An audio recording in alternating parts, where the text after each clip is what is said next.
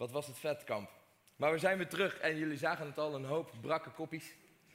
Ehm, kleine oogjes. Maar wat was het een mooie week.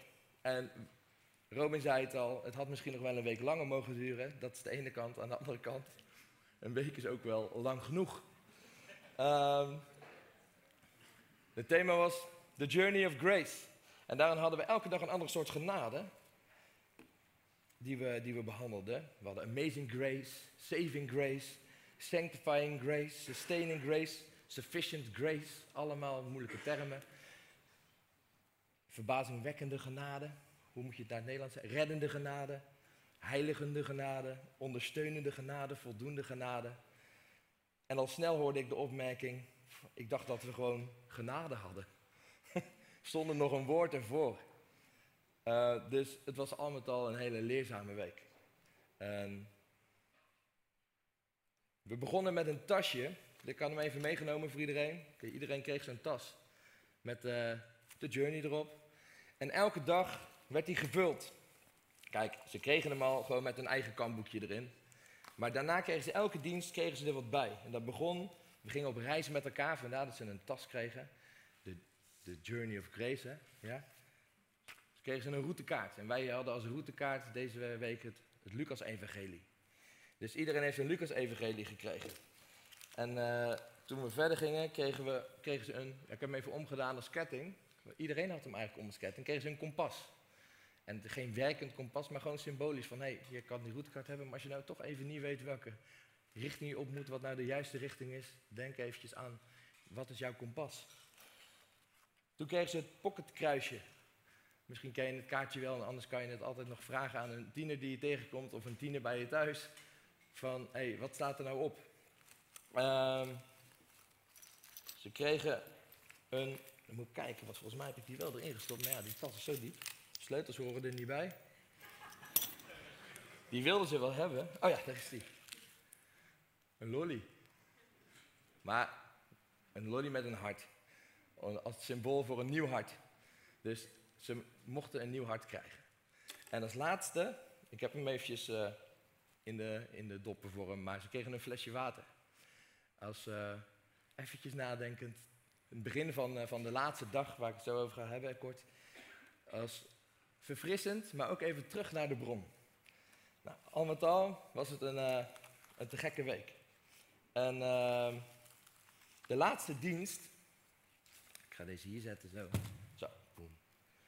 De laatste dienst begonnen we met het avondmaal.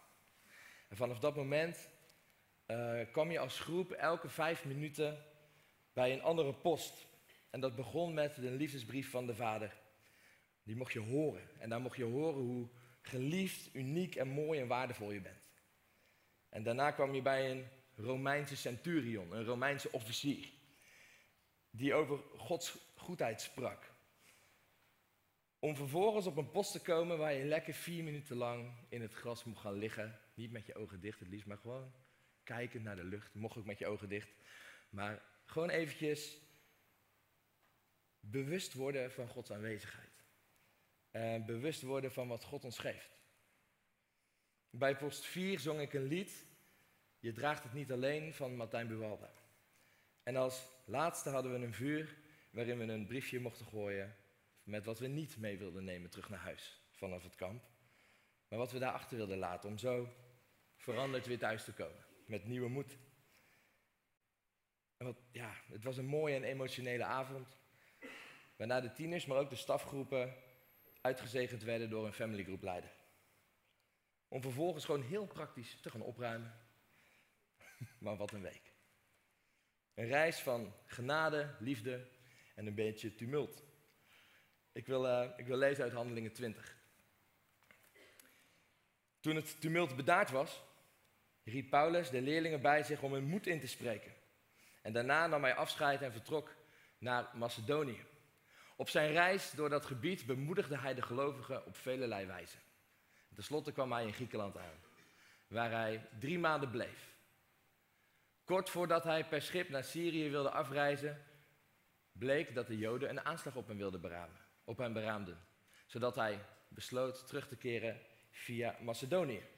Hij werd vergezeld door Socrates, de zoon van Pyrrhus uit Berea, door Aristarchus en Secundus uit Thessalonica, Gaius uit Derbe en Timotheus, Tychicus en Trofimus uit Azië. Ze reisden naar Troas en bleven daar op ons wachten.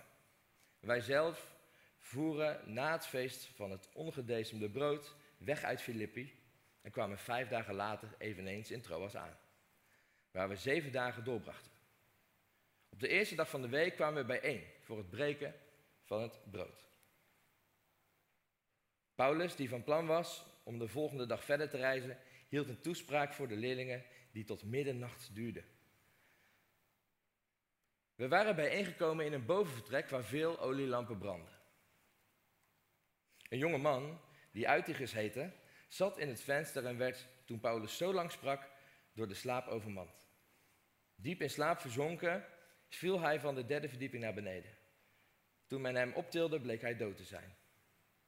Paulus ging naar beneden, ging op hem liggen, sloeg zijn armen om hem heen en zei: Hou op met dat misbaar, want hij leeft. Hij ging weer naar boven, brak het brood en at. En daarna sprak hij nog lange tijd tot het aanbreken van de ochtend. En toen vertrok hij. Kijk. Een klein stokje water pakken.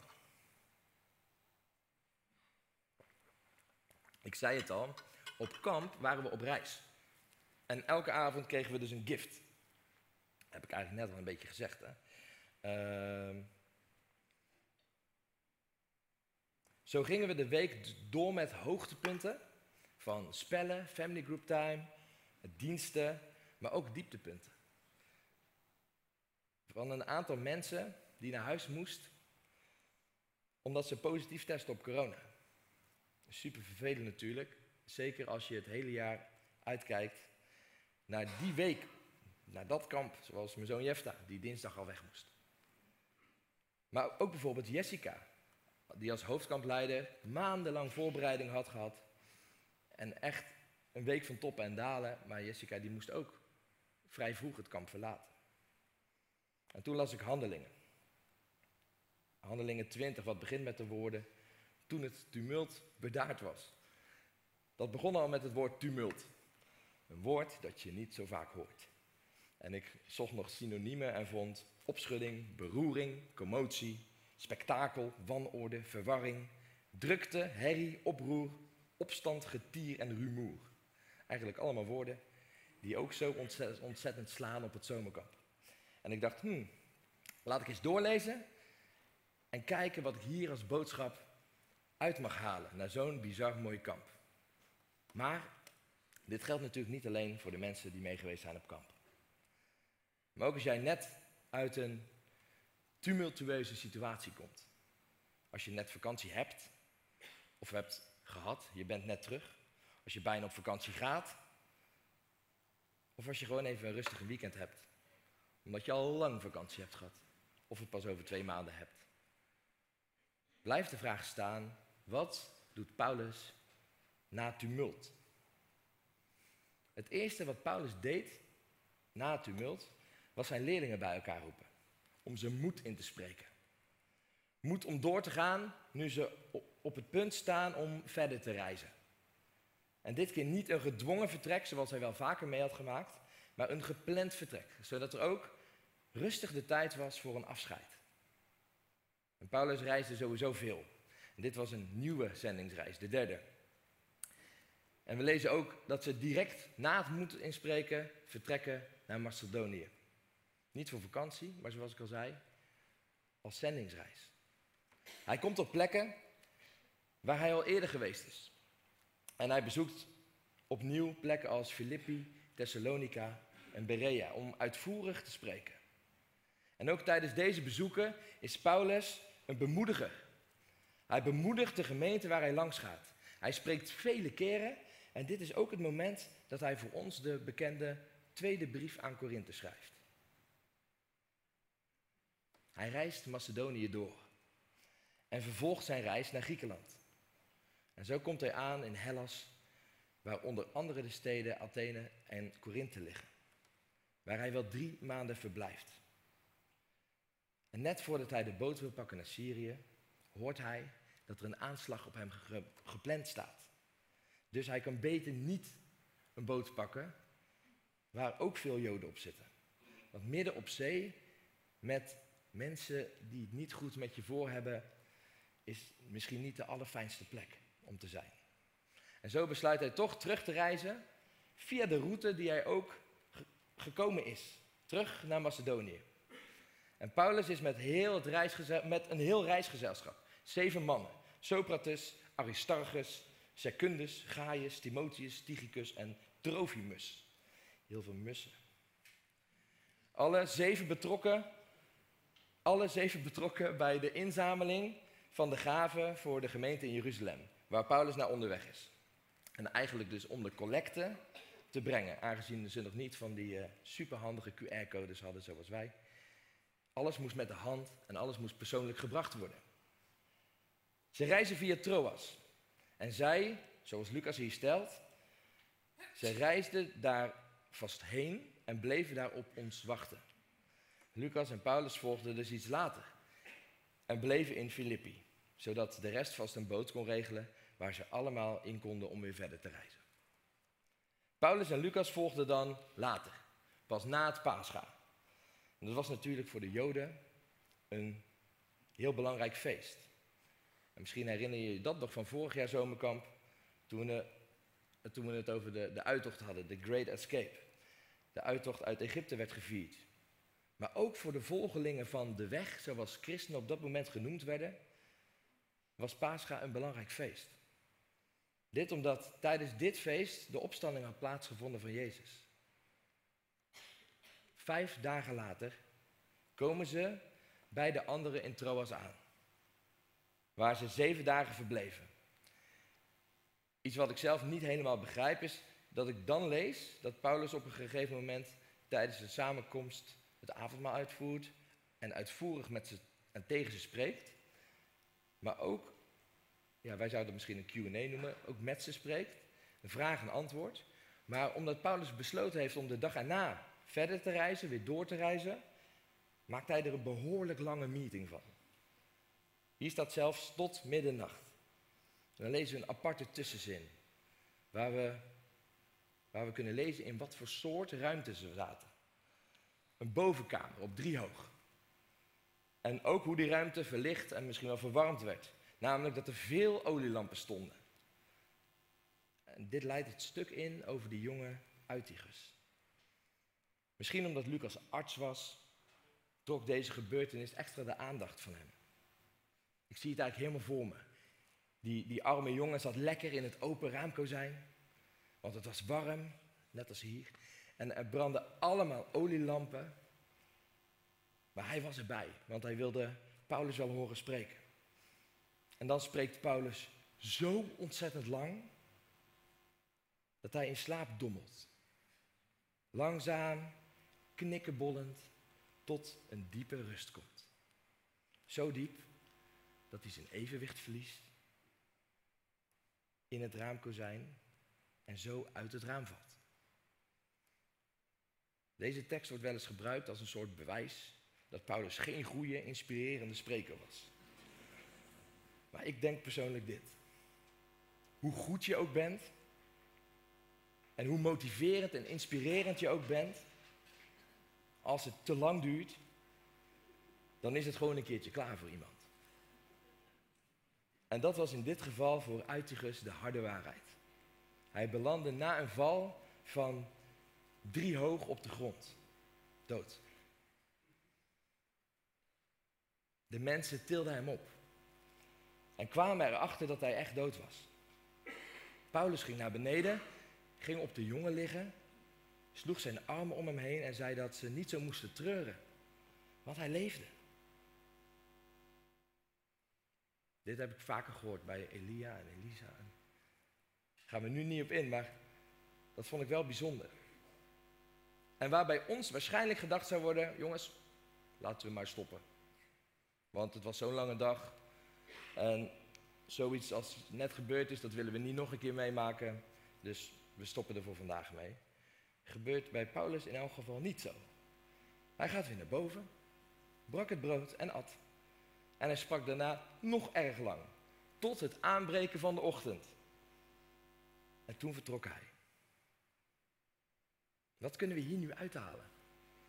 Nu we midden in de tijd van vakantie zitten, midden in een reis, midden in een tijd van rust. Ik denk dat er twee mooie lessen uit te halen zijn. Misschien nog veel meer, maar ik heb er twee. De eerste is deze. Blijf elkaar bemoedigen.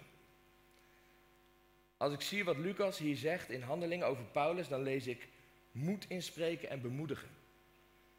Hij roept eerst een eigen groep om hem heen, bij elkaar, en spreekt hen moed in. En vervolgens gaat hij op reis. Dat was langs gemeentes die al eerder door hem gesticht waren, maar misschien ontstonden er ook nog wel nieuwe gemeentes onderweg tijdens die reis. En we mochten lezen dat Paulus constant bemoedigde. Hij was de bemoediger van de gelovigen op zijn reis. Maar wat is bemoedigen dan, kun je misschien denken. Nou, bemoedigen heeft verschillende kanten. Denk aan aanmoedigen. Van je kan het, ik geloof in je. Aansporen, kom op, doe het. Moed inspreken, opbeuren, oppeppen, sterken, maar ook troosten, kwetsbaar durven zijn, zodat je een voorbeeld kunt zijn en ook hoop geven. En ik zou willen aanmoedigen om drie groepen te bemoedigen. Daartoe wil ik je eigenlijk uitdagen. Eén, zoals Paulus dat doet, de groep om je heen. Dus misschien wel je kring waarin je zit, of je vriendengroep, of bij Experience, bij Exchange, of je familie. Gewoon de groep om je heen. En twee, de, de gelovigen, die misschien wel voor de rest in je kerk zitten, mensen die je kent vanuit de kerk, maar die je niet echt kent. Gewoon mensen waarvan je weet, ja, die geloven ongeveer wel hetzelfde als ik. En drie, dat is misschien wel de moeilijkste, de ongelovigen die je op je pad tegenkomt, op je werk of op school. Elke stap maakt het wat moeilijker. De eerste stap is misschien al lastig, maar het zijn wel de mensen die je goed kent, die jou goed kennen en waardoor de stap, die stap zetten, misschien nog te doen is. de tweede stap, die is wat moeilijker. Omdat je mensen die je niet kent, moeilijk vindt om aan te spreken, maar juist de bemoediging van iemand die je niet kent, kan soms zo'n impact hebben. Dus als je voelt, ik wil die persoon eens bemoedigen, moed inspreken of misschien gewoon een compliment geven, doe dat dan vooral. Al begin je lekker op de socials. Voor de 30-plus is de ontmoetingsruimte van de kerk. De andere groepen waar je bij zit, kan ook, of gewoon op je timeline. En voor de 20-plussers op je Insta-stories of je Insta-feed. En voor de tieners gewoon op je Snap of je TikTok.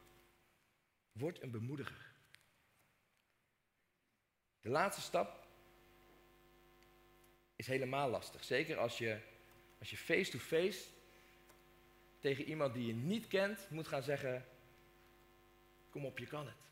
Of een compliment geven aan iemand die je niet kent is toch altijd net wat lastiger dan iemand die je wel kent. Maar toch wil ik je uitdagen om eens iemand die je tegenkomt maar niet kent te bemoedigen. En mocht je dat nog niet face-to-face durven, dan kun je natuurlijk hetzelfde doen op je socials als bij stap 2. Spreek moed. En het tweede waar, waarin we denk ik echt een les mogen trekken uit Paulus zijn verhaal is zijn geloof. Zijn toewijding, zijn verlangen, hoe moet ik het zeggen? Zijn eagerness om, om goed te doen. Hij heeft zo ontzettend veel drive in zijn zijn om te doen wat Jezus deed, dat hij elk moment meer op Jezus gaat lijken. En daardoor steeds meer als Jezus gaat doen. En dat begint misschien klein. Met mensen moed inspreken. Mensen bemoedigen. En er voor je vrienden zijn. Maar als ik naar Paulus kijk, dan, dan is hij er niet alleen voor zijn vrienden. Hij spreekt mensen aan. Hij spreekt Jezus uit over nieuwe groepen gelovigen. Hij probeert zo goed mogelijk te doen, neemt de tijd voor mensen en gemeenten die dat nodig hebben. En zo groeit hij en, en Jezus in hem, waardoor hij steeds meer en meer op Jezus gaat lijken. Hij zit zo vol goedheid dat hij, waar hij ook komt, spreekt. Hij spreekt Jezus uit over de gemeente waar hij komt. Over de mensen die hij spreekt, over situaties waar hij in zit. En hij spreekt niet alleen Jezus, hij doet ook Jezus. Jezus wekte iemand op uit de dood. Paulus doet dat hier ook. Zonder poeha. Of zonder dat hij daarna staat van, nou, kijk, kijk mij dat nou eens even gedaan hebben.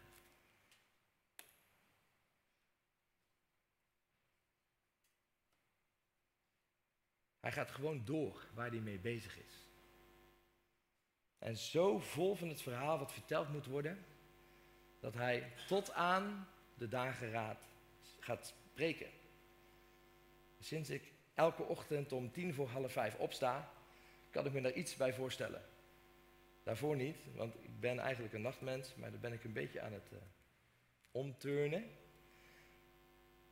Maar de dageraad is zo'n mooi moment van de dag. Hij wist dat hij zou gaan vertrekken. Hij pakte letterlijk elke minuut die hij nog kon spreken over Jezus aan. En hij gebruikte dat. Wat een toewijding. En nu begrijp ik dat jij geen Paulus bent. Ik ook niet. ik begrijp ook dat jij geen Jezus bent. Ik ook niet. Maar we hebben wel Jezus als ons grote voorbeeld. En we mogen en willen steeds meer op Hem gaan lijken. Het hoeft gelukkig niet in mega grote stappen. Want dan zou je zomaar teleurgesteld kunnen worden in de vooruitgang van je proces. Maar het mag gewoon in de hoeveelheid stappen en in de lengte van de stappen die jij aan kan en jij aandurft. Ik wil je alleen bemoedigen. Je kan het. Ga ervoor. En wees niet bang dat je valt. Want vallen is niet erg als je elke keer maar één keer vaker opstaat dan dat je valt. Je draagt het niet alleen. Want Jezus is al bij jou. Jezus is al in jou. Hij helpt je de weg te lopen die hij al gelopen heeft. Spreek daarom overal waar je kan Jezus.